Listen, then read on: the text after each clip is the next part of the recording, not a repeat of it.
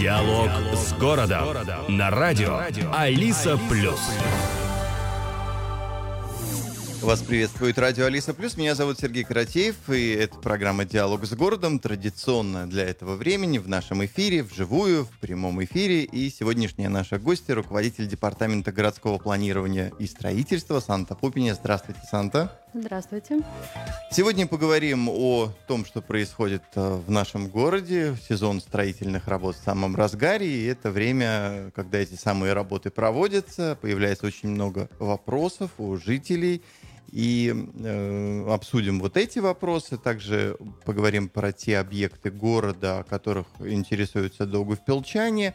Ну и, конечно, собственно, я приглашаю жителей нашего города принимать активное участие в эфире и звонить в студию 654-25-00. Номер телефона активирован.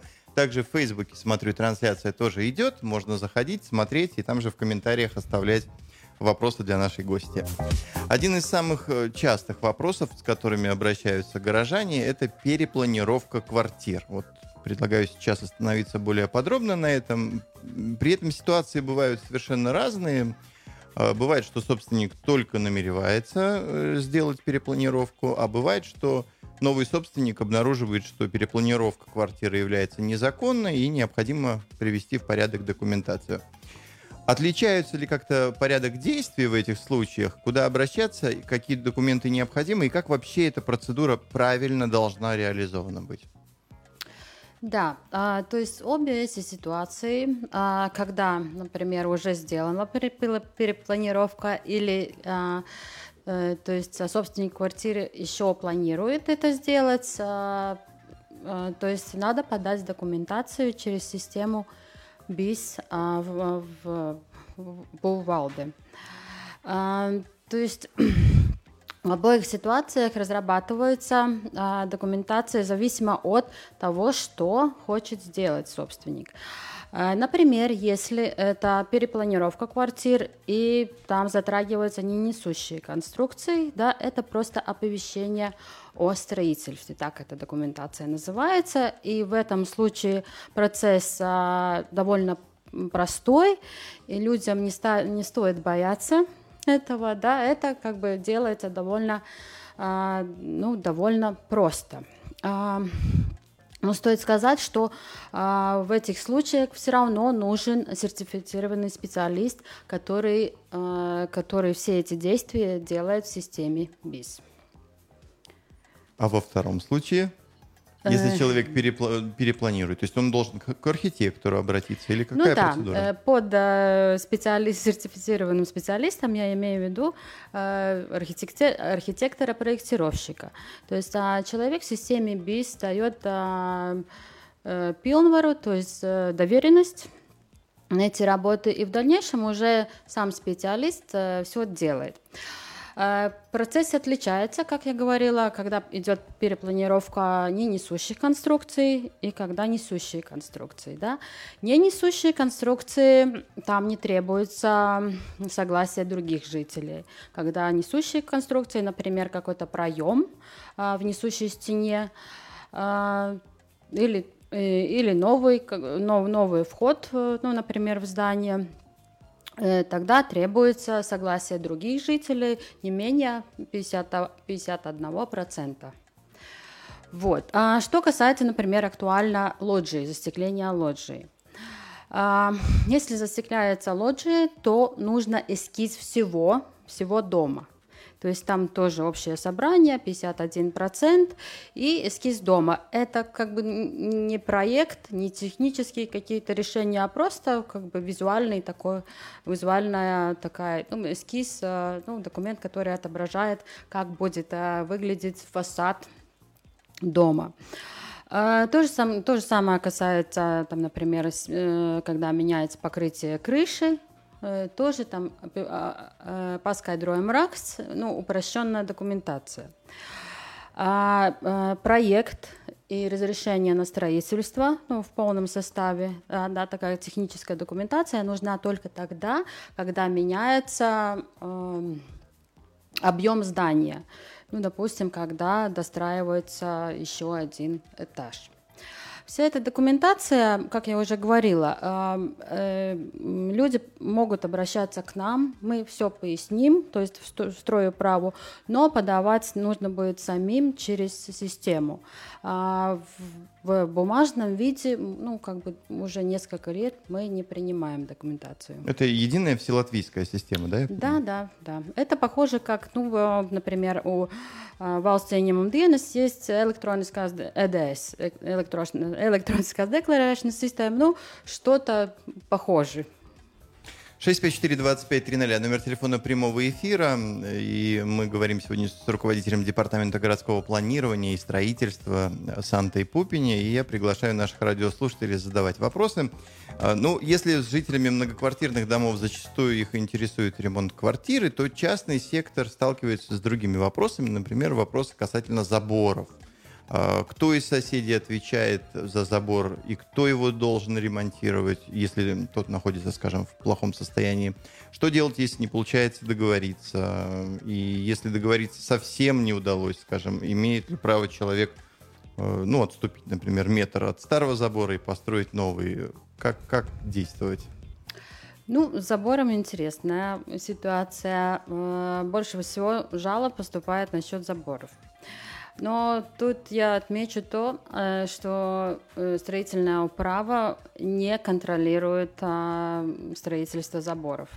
Уже три года, как а, изменения в законе действуют, да, то есть ну, мы, мы уже не, не наблюдаем этот э, процесс.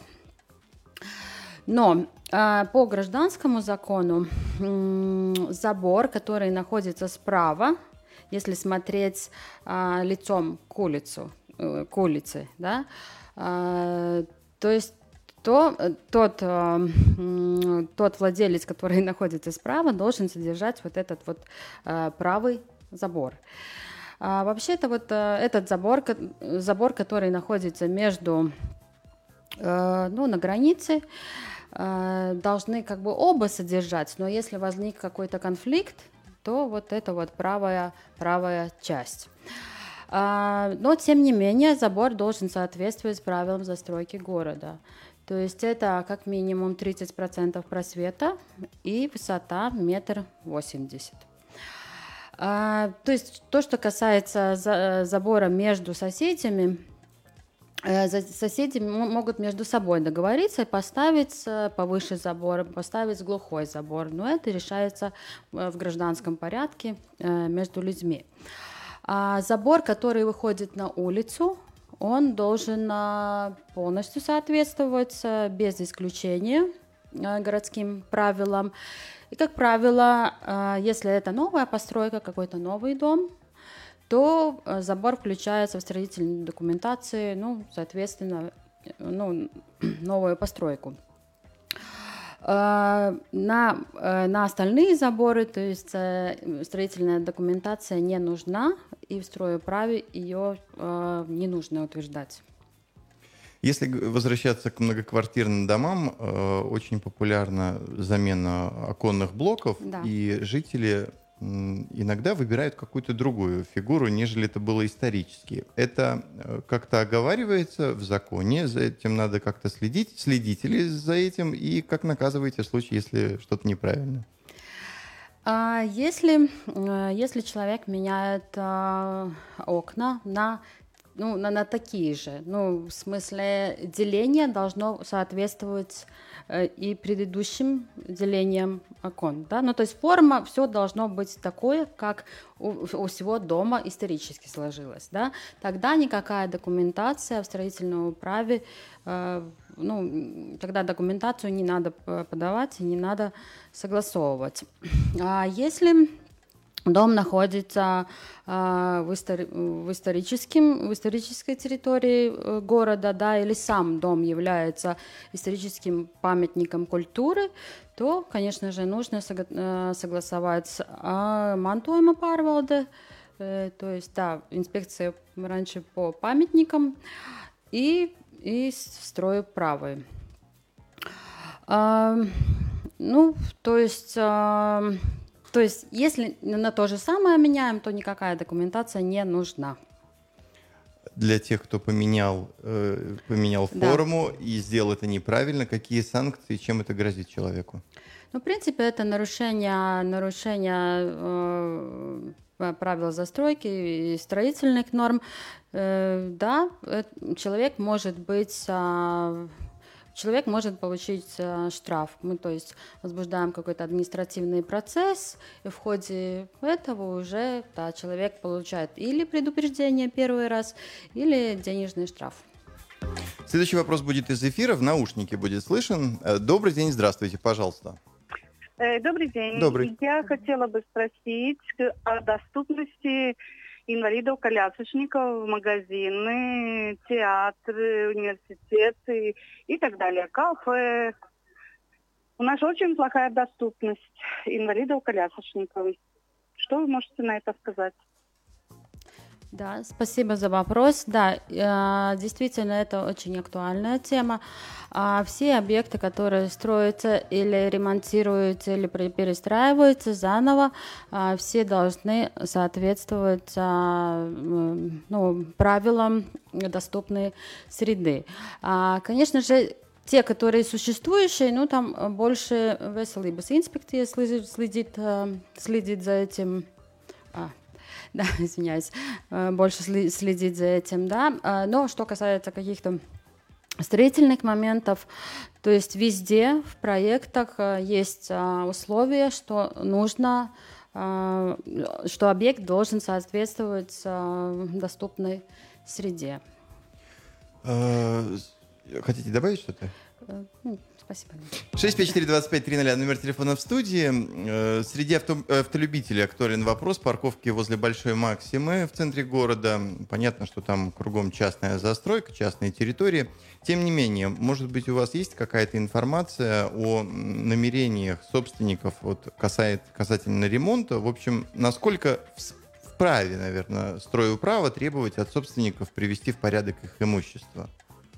Э, да, на самом деле у нас а, были жалобы а, по этой территории, мы обследовали, дали, а, дали указания, но на самом деле у строя права не так много ну, строя право, ну, как бы так напрямую не может воздействовать по строительным нормам на, на, на собственника, поскольку это частная территория и э, заставить их построить э, новую стоянку или новое покрытие э, для автостоянки, ну, к сожалению, это не, на, не в наших силах.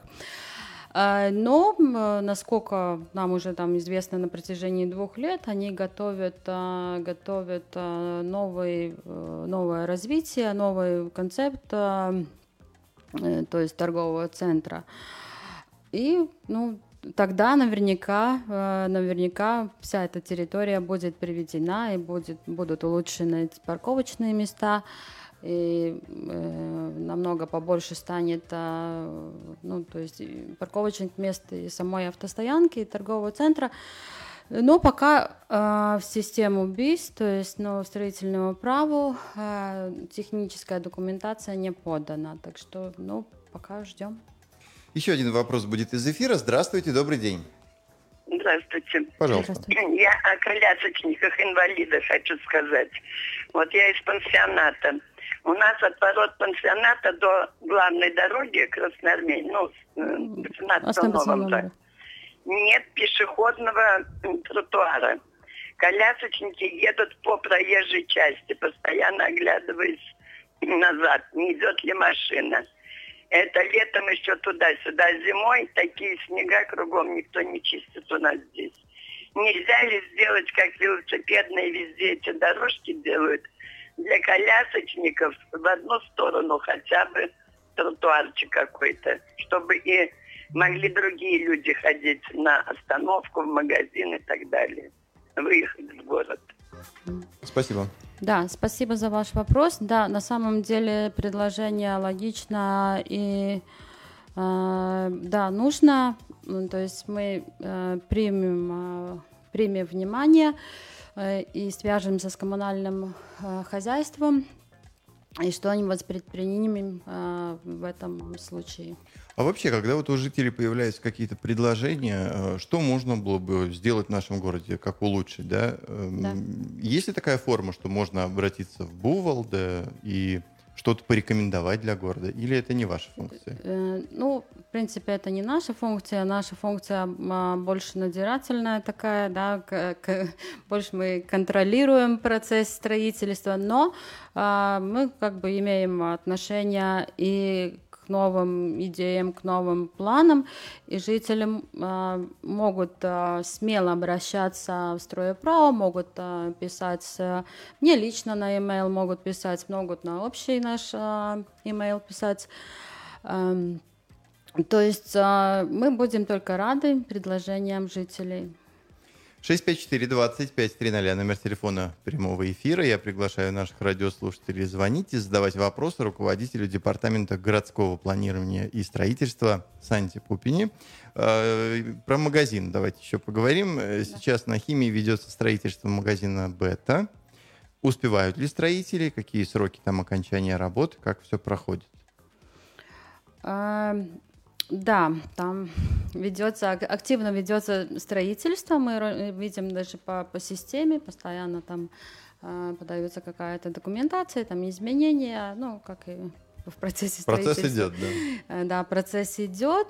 А, ну, на- насколько я знаю, а, немножко они, э, строительство сроками а, опаздывают, но а, была информация, что а, в- к декабрю этого года они закончат строительные работы. Еще один есть магазин, который э, активно, в нашем понятии, должен был активно строиться. Э, Это Lidl на Эспланаде. Работы начались очень активно, но потом строители пропали с участка, потом оттуда вывезли весь песок. Каковы причины? Это такое, это технология такая или, э, или не будет Лидла там? Ну, насколько я знаю, а, действительно там возникли, возникли некие проблемы с грунтом, а, с грунтовыми водами. А, Вызывали специалистов из-за границы, чтобы как-то исправить ситуацию. И Утрамбовали, а, ну, то есть грунт, и пока на данный момент там не ведутся строительные работы. А срок неизвестен, ну даже по, по- по системе, если смотреть, там сроки не стоят. А, ну, насколько я знаю, в этом году строительные работы в этом объекте не будут вестись. 654-25-00, номер телефона прямого эфира. Э, Среди э, жителей Мэштемса прошел слух, что в здании на Даугава 114 планируются какие-то работы. Есть ли у вас об этом информация? Потому что жители переживают, что э, туда вернется прошлое, в прошлом производство натуральных колбасных что-то с колбасой Ну да, да, связано с оболочками переработка. Тогда из этого и запахи там неприятные, и все дома ближайшие страдали. Какая там ситуация? Э, Да, там раньше была такая, да, очень плачевная ситуация, но, слава богу, общими силами мы, мы все-таки достигли, чтобы, э, да, переместили э, этот цех куда куда-нибудь другое место, но сейчас это здание находится, то есть другой, э, там другой э, владелец этого здания, так что бояться на, бояться того, что там будет э, что-то похожее, не стоит. А, Ну, насколько мне известно, это СИА, которая владеет сейчас зданием, ну, не занимается э, похожим, да, Мясообработкой, да. похожим действием. А, да, у нас была у стройправе жалоба. Мы выезжали, смотрели, действительно там ведутся какие-то работы внутри здания. А, Попасть мы не смогли, э, написа- написали предписание, а, но пояснения так и не получили. Не отозвался собственник здания. Ну, если так и дальше пойдет, то есть отправим, а, возбудим дело, э, вот, административный процесс, а, ну, то есть, да, м, собственник будет э, оштрафован. Но это как бы не означает, что в дальнейшем мы не будем ничего предпринимать, но то есть в дальнейшем тоже будем проверять, смотреть этот объект, потому что сейчас выглядит, что там ведется незаконные строительные работы внутри здания. А что там э, напротив происходит? Э, территория санатория Мэштемс, какая ситуация с ним? Он как-то развивается? Там что-то будет в ближайшее время, не будет?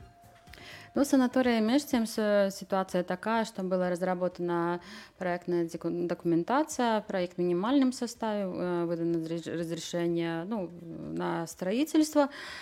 А, ну, сейчас, по идее, должно следовать, э, должен следовать технический проект. Но поскольку это, э, это очень дорогостоящий объект, и пока неизвестно финансирование, то пока это все на паузе, но надеемся в дальнейшем как-то ситуация исправится в лучшую сторону. А, мы сейчас подготовили, то есть э, по заказу самоуправления э, фирма подготовила как бы такое предложение инвесторам, где расписано, какой проект, а, какие достопримечательности в нашем регионе, в, в Даугавпилсе. И э, тем самым надеемся как-то привлекать инвесторов, и, может быть, тогда у нас получится построить этот замечательный объект. А что, а что мы хотим получить в, в результате? Вот? Ну, э, по проекту там запланирован как бы спа-комплекс в, э, в новом здании. Да? Старое здание, конечно же, э, реставрируется, поскольку это памятник архитектуры. Ну и как бы вся территория, э, благоустройство территории и много интересных объектов, а, поскольку все это находится вблизи к Даугаве, то вся эта территория предназначена для такого отдыха для жителей и потенциальных клиентов этого объекта. А это будет открытая территория, туда можно будет зайти, там, прогуляться, или это как, а, а, все закрыто? Ну, смотря какой там э, концепт будет. Если будет инвестор под э, 100%, да, это будет как бы в частных руках, и, э, то есть уже сам э, владелец будет решать, э, пускать или не пускать жителей. Ну, если это будет делать самоуправление, что маловероятно, потому что, ну, из-за финансовой стороны, то наверняка эта территория останется открыта для посетителей. А, вы уже говорили в новостях о том, что в Даугавпилсе будет открыт крематорий. Да. Может быть, подробнее расскажете об этой теме? Да, крематорий. То есть а, Даугавпилская фирма выиграла аукцион э, на право, застройки. То есть не строительные работы, а эта фирма является заказчиком данного объекта. Э, по правилам аукциона, э, то есть строительство должно быть закончено в течение двух лет. Это, это ой, извиняюсь, четырех лет. С 22 года, получается, в 26 году а, да, крематорий и колумбарий. Колумбарий это это такой объект, где хранят, хранится прах уже кремированного тела. Да? То, что есть и, и в Риге, и, и в других а, городах. А, ну, надеемся, что заказчик, а, что фирма построит а, немножко ну, побыстрее этот объект, но это опять же зависит от, э, от, э, от самой фирмы, как, как будут получаться вот эти строительные работы и весь процесс. Я приглашаю наших радиослушателей звонить, задавать вопросы 654-2530, номер телефона прямого эфира. А, про Вейк Парк давайте поговорим да, еще. Давайте. Э, что, какая Хороший ситуация объект. с ним? Просто так вот вы пришли и столько сразу вопросов. Что будет, когда будет главный вопрос? Вейк Парк, да, это замечательный, замечательный объект. Э, то есть э, сейчас заключен договор на разработку технического проекта. Была как бы концепция такая, а сейчас э, именно технические вещи будут решаться. Довольно маленький срок у фирмы даден на, на эти работы, то есть, если я не ошибаюсь, это где-то 8 месяцев. И после этого, после этого уже можно будет э, объявлять конкурс на строительные работы, и тогда уже строить сам вейк-парк. Э, может по очередям, а может и весь сразу, но все это зависит э, от, от финансирования. Есть возможность финансирования получить ну, получить или государственное, или европейское по, по проекту. Э, сам Вайк-парк, да, он, он будет больше, чем ну, в регионе, чем ближайших, э, ну, ближайшие вейк-парки. Э, намного больше будет вот и самих фигур, где ну, спортсмены могут всякие трюки делать, да, и сама инфраструктура довольно большая, то есть и, и кафе, и хозяйственные, ну, то есть э, помещения, ну, например, для хранения инвентаря, инвентаря, э, э, медпункт, и, ну, как бы запланировано очень грандиозно и очень симпатично. Все. Ну, если мы там в стропах остаемся, вот э, променад продлили, э, ну, все сделали, да, это все? Мы еще что-то дальше будем делать? Э, нет, это не все. Это, это еще не все. Поскольку, да, э, вейк-парк будет уже на продленной части променада, то мы планируем, уже есть э, концепция, уже немножко как бы попланировали, как это может выглядеть, продление променада до границы города с краем. Это еще полкилометра где-то получается. А, и да, ну, похоже, похоже на, на, на предыдущие части, то есть велодорожка, дорожка для прогулок, какие-то места для отдыха, гриля и новые объекты. Новые объекты, может, бывают какие-то там большие качели, такие огромные, а, лежаки большие, может даже а, какой-то а, мостик на самом на самом озере. Может, променад будет какую-то часть, а, какую-то часть проходить а, по на, озеру. Прям. Да, да, угу. по, по озеру. То есть, да, планы есть, они довольно, довольно объективны, а, но, но надеемся, что все получится. В прошлом году Министерство регионального развития выделило 1 миллион евро на строительство балатария на территории зоопарка, речь о котором была уже очень давно. А, но, как мы все знаем, неожиданный вопрос эм, внес свои коррективы. Из-за птичьего гриппа работы были остановлены. Насколько это отразится на работах в общем, и когда, собственно, взрослые и дети смогут прогуливаться по э, ну, его так уже в народе называют зооленд, по-нашему зооленд. Интересно. А, на самом деле это очень, э, очень такой интересный объект. А, ну, в Даугавпилсе ничего похожего нету, до сих пор не было. Э, да, там действительно э, была ситуация с птичьим гриппом. Э, строительные работы должны были закончиться в марте. Но, к сожалению, да, из-за птичьего гриппа все, все продлилось. И сейчас где-то в октябре, в октябре планируют закончить эти работы, но я сама там прогуливалась уже, ну, не стоит, то есть по моему, по моему примеру, прогуливаться, это еще э, незаконченный объект, но там практически все уже готово. Э, есть сама тропа, есть э, э, смотровые площадки, и на самом деле, когда заходишь на эту тропу, не чувствуешь себя как э, в городе, как где-то там в джунглях, ну, это я, конечно, утрирую, но на самом деле очень-очень интересный объект. А, всем советую после сдачи в эксплуатацию этого объекта посетить его. Ну и в завершении хотелось бы послушать о тех объектах, э, над которыми строю право работает сейчас, и о том, о чем мы не успели поговорить в рамках программы. Что-то новое ждет горожан. Ну, как ни странно, мы, мы работаем над, над елкой на Венибас площади. Уже сейчас объявлена закупка. на, на оформление, э, ну, э, да, площадь Звенибас. А, в этом году елка будет э, немножко другая, более классическая, и, да, горожан ждут, ждут э, сюрпризы, потому что, да, будет, как всегда, как всегда, красиво, красочно, но по-другому, немножко, немножко так как бы в классику.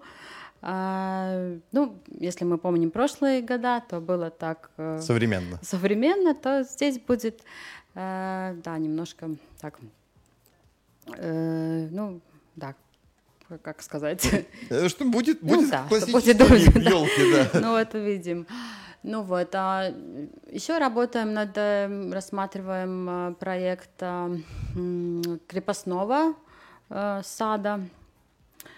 Ну, в крепости сад исторический, ну, то есть парк. Вот, а по проекту Э, по проекту тоже очень а, интересный объект. Э, там и реставрация э, беседки исторические, там и кафе планируется, и даже, даже каток. Да, даже каток, но, правда, этот объект будет поделен на очереди, не будет сразу весь построен, но там, да, в крепости появится еще один объект интересный. Это уже в ближайшее время? Ну, пока что рассматриваю, пока что делается технический проект, то есть Паскадром Ракс.